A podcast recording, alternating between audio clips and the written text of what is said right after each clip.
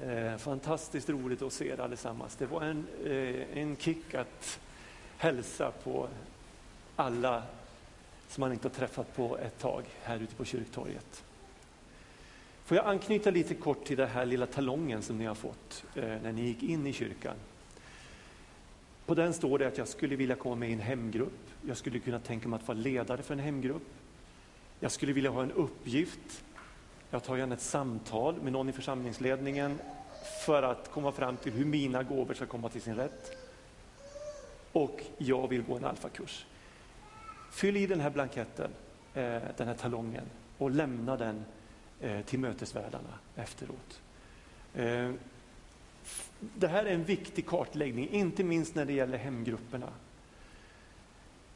Vi ser vikten av hemgrupper och vi ser vad hemgrupperna betyder och har betytt för att människor ska komma med i församlingen, för att människor ska växa i sin tro. Och ska vi kunna svara mot det behov som ligger framför så behöver vi komma igång med fler hemgrupper.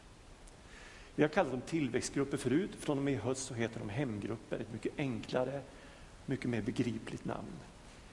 Ehm, så det här är en viktig, viktig talong. Ta vara på den möjligheten.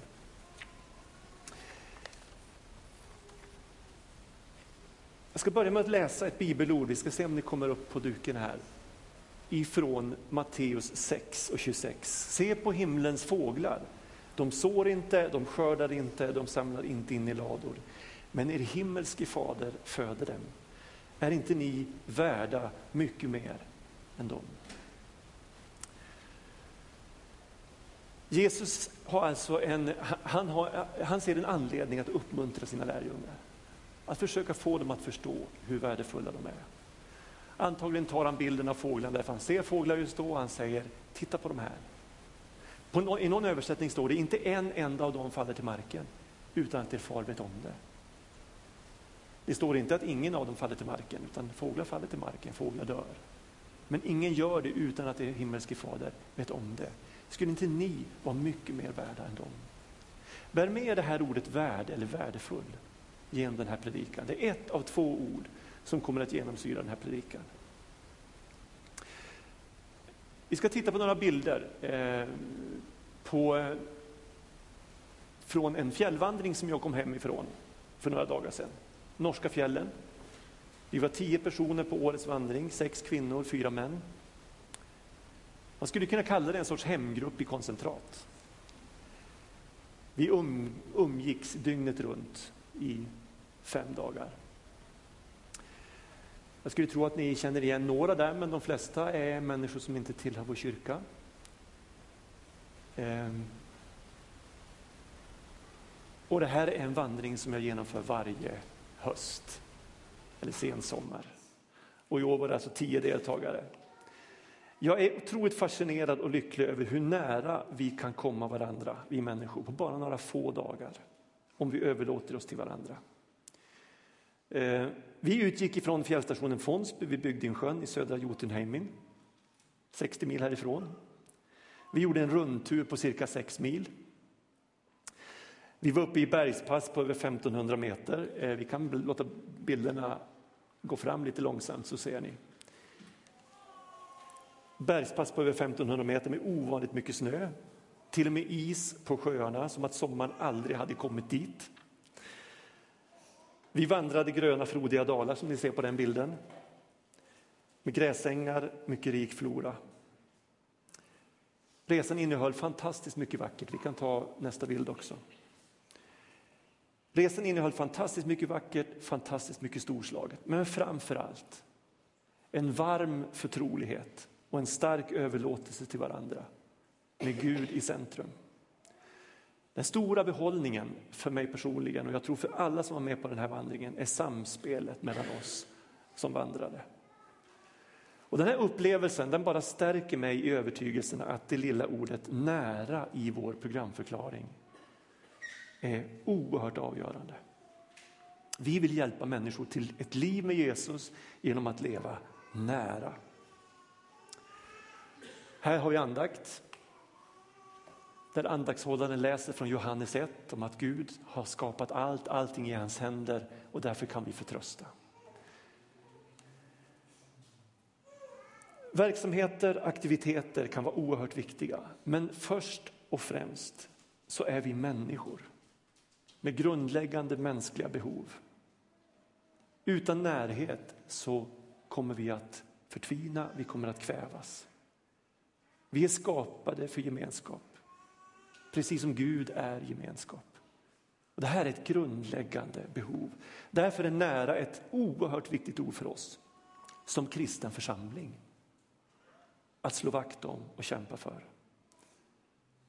När Paulus i Efesierbrevet 2 målar storheten i det Jesus har gjort så säger han så här. Men nu, tack vare Kristus Jesus, har ni som en gång var långt borta kommit nära. Genom Kristi blod. Alltså själva syftet med att Jesus lämnar sin härlighet, kommer till jorden, ger sitt liv är att vi ska komma nära. Nära Gud, nära varandra och nära för att sprida närhet till andra människor. I min predikan idag så vill jag uppmuntra dig att våga sätta in dig själv i, i de här orden. Nära och värdefull.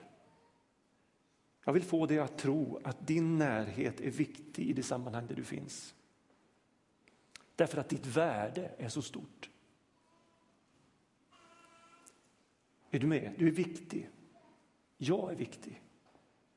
Och jag talar till mig själv lika mycket som jag talar till, till någon annan. Jag kan säga att jag i hela mitt liv, under perioder, har kämpat med mitt självförtroende. Jag har frestats att gömma mig. Jag har funderat över min plats. Vad är det som har fått mig att fortsätta? Trots allt. Och inte ge upp. Ja, inte är det att jag plötsligt lyckas prestera bättre. Eller lyckas briljera med min kunskap eller bli omskriven i tidningen eller få vara med i tv eller någonting annat. Utan det som har fått mig att fortsätta är att jag återigen har fått fotfäste i kärleken. Att jag kan vila i att jag är älskad, att Gud vill vara med mig. Att han älskar att vara med mig. Att jag får nåd att genomskåda den här världens sätt att värdera. Och inse att mitt värde är redan givet. Och det är så oerhört högt. Gud är svag för mig och inget kan förändra det. Det har fått mig att fortsätta. Att jag förstår vem jag är i Gud. Och därför är det så viktigt att vi vågar sätta in oss i båda de här orden, nära och värdefull. Och jag vill använda mig av några bilder. Innan vi åkte iväg på den här fjällvandringen så läste jag en artikel med rubriken Sällsynt blomma kan stoppa gruva. Och jag var tvungen att läsa igen och igen därför att det lät så osannolikt. Blomma kan stoppa gruva. Jag läste och jag drogs med in i en osannolik men vacker berättelse som jag burit med mig under de här dagarna i fjällen. Blommans värde mot ekonomiska vinstintressen.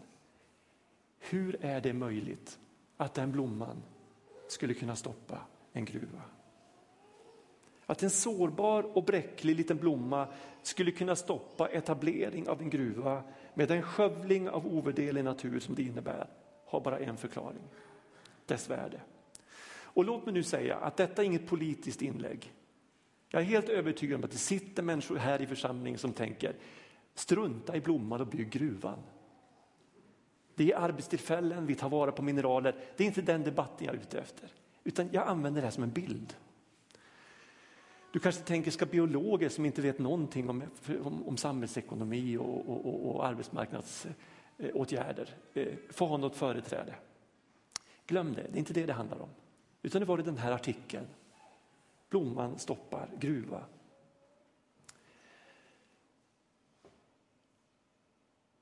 Att Blomman skulle, skulle brösta upp sig mot industripampar och gruvmaskiner utan att ha det här givna värdet, det vore dömt att misslyckas. Men nu står hon där, precis den platsen, som ett Guds mirakel. Försvarad av en mängd goda krafter. och blir tungan på vågen för att stoppa det som vill skövla. Så tänkte jag på varje människa som i vardagen står i sitt sammanhang, vacker, skör och bräcklig. Kan hon verkligen göra någon skillnad? Varje kristen som med ett ärligt motiv lovsjunger Gud med sitt liv. Vad har hon att sätta emot kraften i allt kärlekslöst och omänskligt? All exploatering av livet. Hennes värde ger svaret. Det är och kommer alltid att vara Guds mirakel när det onda böjer knä. Det är aldrig vårt mirakel, det är Guds mirakel. Vi kommer alltid att stå där förundrade över det som sker. Och det måste ha varit precis samma förundran vid korset. Kan du tänka dig något mer naket, något mer sårbart än den sönderslagne Jesus? Övergiven, uppspikad, till synes ensam mot all världens ondska. Hur kunde det sluta med seger? Det är ett Guds mirakel. Vad är det Paulus skriver i andra Korinthierbrevet 4? Han säger så här, denna skatt har jag i lerkärl för att den väldiga kraften ska vara Guds och inte komma från mig. Alltid är jag ansatt men inte kringränd, rådvill men inte rådlös, förföljd men inte övergiven, slagen till marken men inte förlorad. Jag citerar ofta från vår andaktsbok på vårt köksbord, Henry Nouwen. Han skriver så här. Under rubriken att vara trygg och ödmjuk. När vi ser på stjärnorna och låter tankarna vandra till de många galaxerna känner vi oss så små och obetydliga att allt vi gör, säger eller tänker verkar helt meningslöst. Men om vi blickar in i själen och låter tankarna vandra in i de ändlösa galaxerna i det inre livet då blir vi så stora och värdefulla att allt vi säger, allt vi tänker, allt vi gör verkar, eh, verkar oerhört betydelsefullt. Vi måste hela tiden se åt båda hållen för att förbli ödmjuka och trygga, humoristiska och allvarliga, lekfulla och ansvarsmedvetna. Ja, människan är mycket liten och mycket stor och det är spänningen däremellan som håller oss andligt vakna.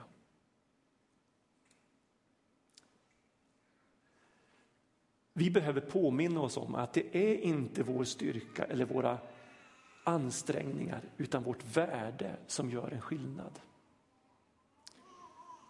Vi är, när allting kommer till kritan, så oerhört lätta att knäcka. Vi är så svaga, så bräckliga. Men vi kan få det onda och det mörka att böja knä bara genom att finnas. Därför att vi är förankrade i livet. Våga se dig själv som viktig i det sammanhang där du finns. Lev för honom som av nåd har gett dig ditt värde.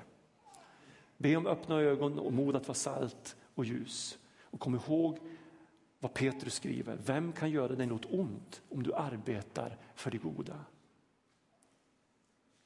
När Rosa Parks den 5 i 12 1955 i Montgomery, Alabama satte sig på ett bussäte reserverat för vita och vägrade resa sig därför att hon var övertygad om att alla människor är lika mycket värda. Förankrad i livet, förankrad i Jesu undervisning så visste hon inte att hon startade en massrörelse som skulle förändra USA. Hon var sannoliken en sällsynt skör blomma på det stora fältet. Men hon var där. Och med sin närvaro gjorde hon den största skillnaden. Det viktigaste är inte vad vi säger eller vad vi gör, utan vad det är som får oss att tala och handla. Vad är det som är drivkraften i ditt och mitt hjärta? Och nu ska vi gå till nästa bild. Gästen som syrar hela degen. Och nu ska jag vidga perspektivet rejält, men med samma motiv, att du ska förstå att du är viktig. Det finns aldrig någon verklig orsak för någon enda kristen människa att fråga sig, finns det någon mening med mitt liv? Ditt liv har den yttersta mening. Och skulle du någon gång uppleva att du inte kände det så, kom då ihåg att du är mycket mer än du känner. För ditt liv har ett oändligt värde oavsett vad du känner eller inte. Du är värdefull bortom all diskussion.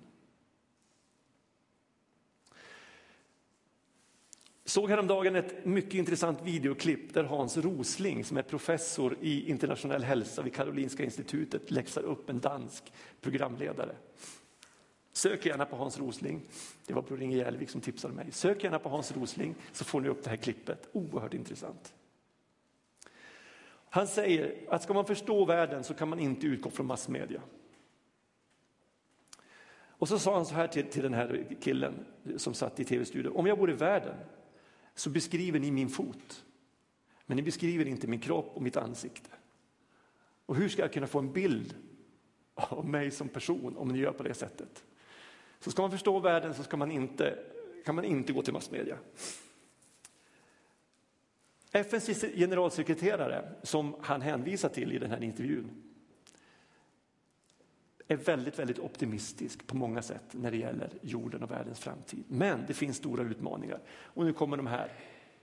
Några av de utmaningarna. Orättvis fördelning, stora klyftor, utanförskap på grund av permanent fattigdom, icke fungerande statsbildningar, ökning av antalet krig och konflikter. 50 procent av alla fattiga finns i krigs och konflikthärdar. Flyktingströmmarna, försvagad demokrati, minskat utrymme för civilsamhället, urbaniseringen, klimatförändringar. Jag kommer nu snabbt att ta dig genom några bilder. Eh, och Tänk inte så här, åh, nu måste, vad mycket text det var, vad mycket jag ska komma ihåg. Du behöver inte komma ihåg det där. Utan jag vill på något sätt förmedla en känsla.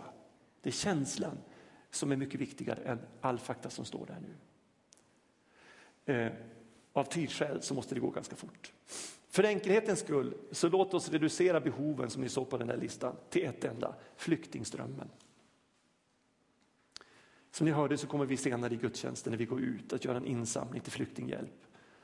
Det är PMU som kommer att få pengarna och det riktar sig till syriska barn och familjer i Libanon. I flyktingförläggningar där. Kan du och jag, kan den kristna församlingen göra en skillnad i den här världen? Är det vår uppgift? Ja och ja, ja på båda frågorna. Men bara på grund av Guds rike. Så här säger Jesus i Matteus 13 och 33, texten kommer där. Himmelriket, eller Guds rike, är som en surdeg som en kvinna arbetar in i tre mått mjöl och till slut blir allt sammans syrat.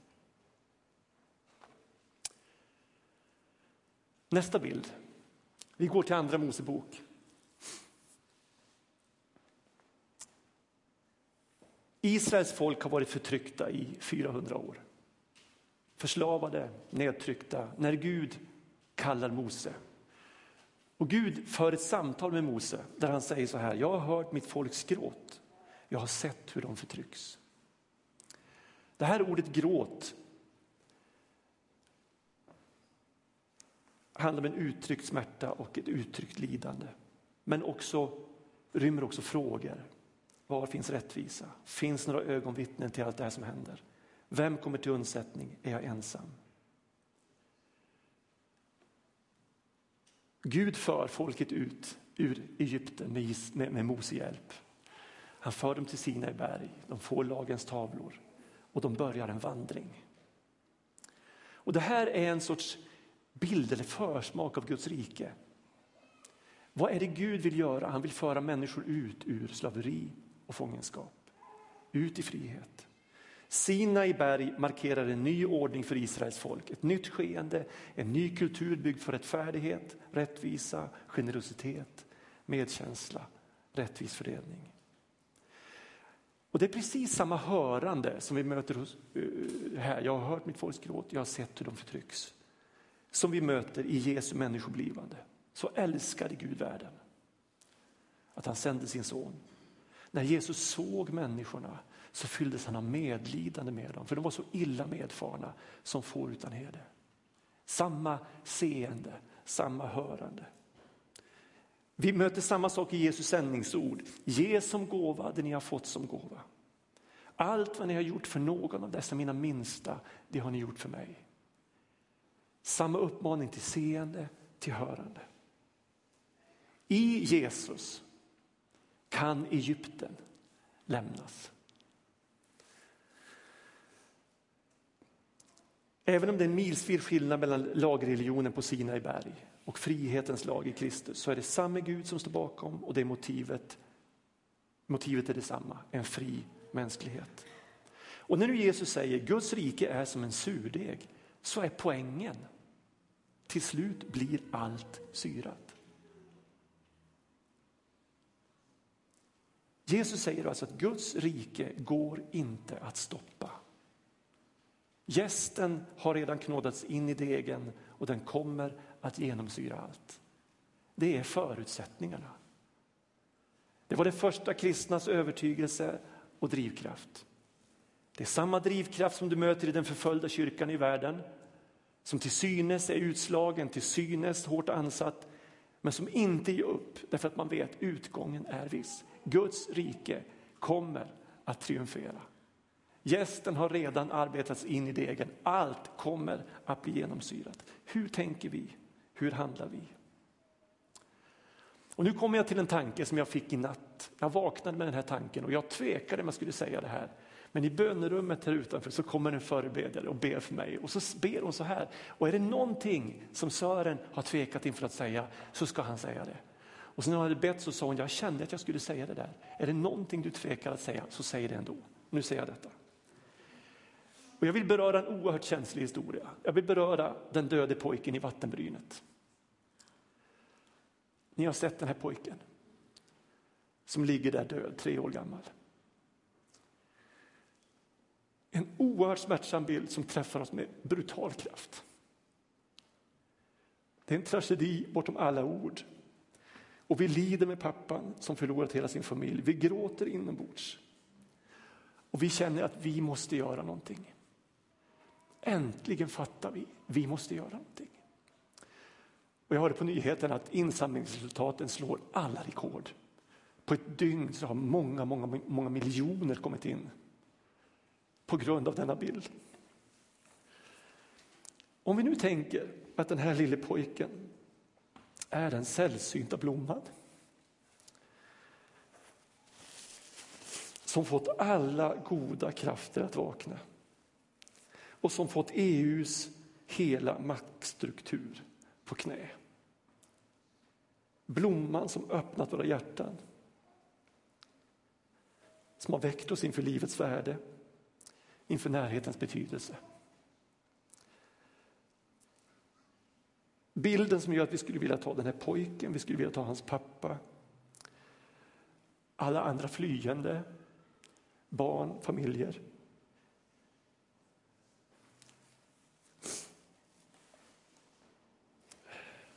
Vi skulle vilja ta dem i vår famn. Vi skulle vilja trösta, vi skulle vilja säga var inte rädda. Ni är välkomna till oss. Vi vill dela vår trygghet, vi vill ge av vårt överflöd till er. Blomman som väcker Guds avbilden i oss och som får Faderns pulsslag att kännas i vårt eget bröst. Då kanske inte pojken dött förgäves. Då kanske hans död i själva verket i det stora perspektivet är livets stora seger över döden. Om vi sen tänker att Gud aldrig har övergivit den här pojken utan mitt i den här tragedin som vi inte kan lasta Gud för. Kom ihåg det. Den här flyktingströmmen, allt detta, det är inte Gud. Men Gud har aldrig övergett den här pojken. Mitt i denna tragedi så har han fångat upp honom han har tagit honom till sig. Han omsluter honom på alla sidor och han lever i en mycket större härlighet. Det är så jag tänker med Guds rike. I det långa perspektivet kan Guds rike aldrig förlora. För Guds rike är surdegen som har, som har knådats in i degen och obevekligt genomsyrar hela degen.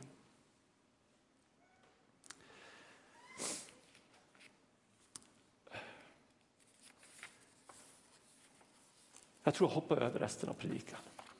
Tiden har gått. Låt mig bara säga att, att Gud står som, som garant för en ny världsordning. Och när jag hade förberett min predikan färdigt så då kom rubriken Allt i Kristus. Allt i Kristus. Gud ska sammanfatta allt i Kristus. Och jag ville måla idag den här upplevelsen av att du är så värdefull. Inte för att du är på något sätt någon som i din egen kraft har någonting att sätta emot den här världens mörka krafter. Men du står i någons tjänst som obevekligt kommer att föra sitt verk framåt. Och i honom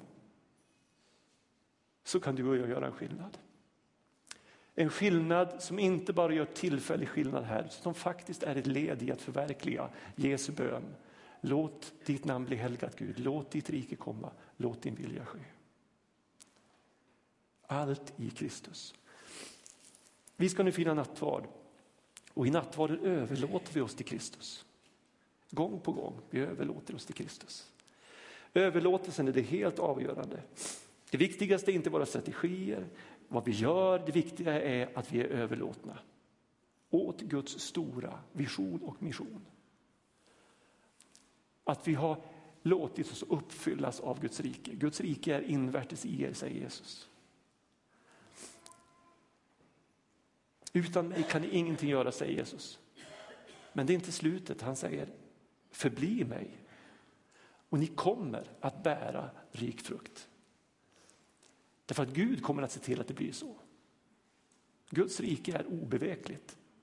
Det stormar fram. Det kommer att genomsyra allt. Segern är viss. Och det är i, det, i den positionen du och jag står. Guds stora drama pågår och kommer att fullföljas och bara i honom kan vi bidra med vårt. Glöm inte den sällsynta blomman. Hon må vara bräcklig, hon må vara sårbar. Men genom att finnas och blomma där hon är så gör hon enorm skillnad. Jesus Kristus, tack att du är här mitt ibland oss. Du har kraften att förvandla vad du vill. Och ditt rike kommer aldrig någonsin att kuvas. Och dina planer kommer aldrig någonsin att gå om intet. Utan när tiden är inne så fullbordar du din plan, ditt verk. Tack att vi av nåd får finnas med i det som du vill göra. Och jag ber av hela mitt hjärta att vi som församling här på den här platsen ska få vara bärare av ditt rike. Ditt rike är mycket större än vår församling, ditt rike är mycket större än oss som enskilda. Men tack att vi får vara en del av ditt rike. Och i dig så vill vi segra. I Jesu namn. Amen.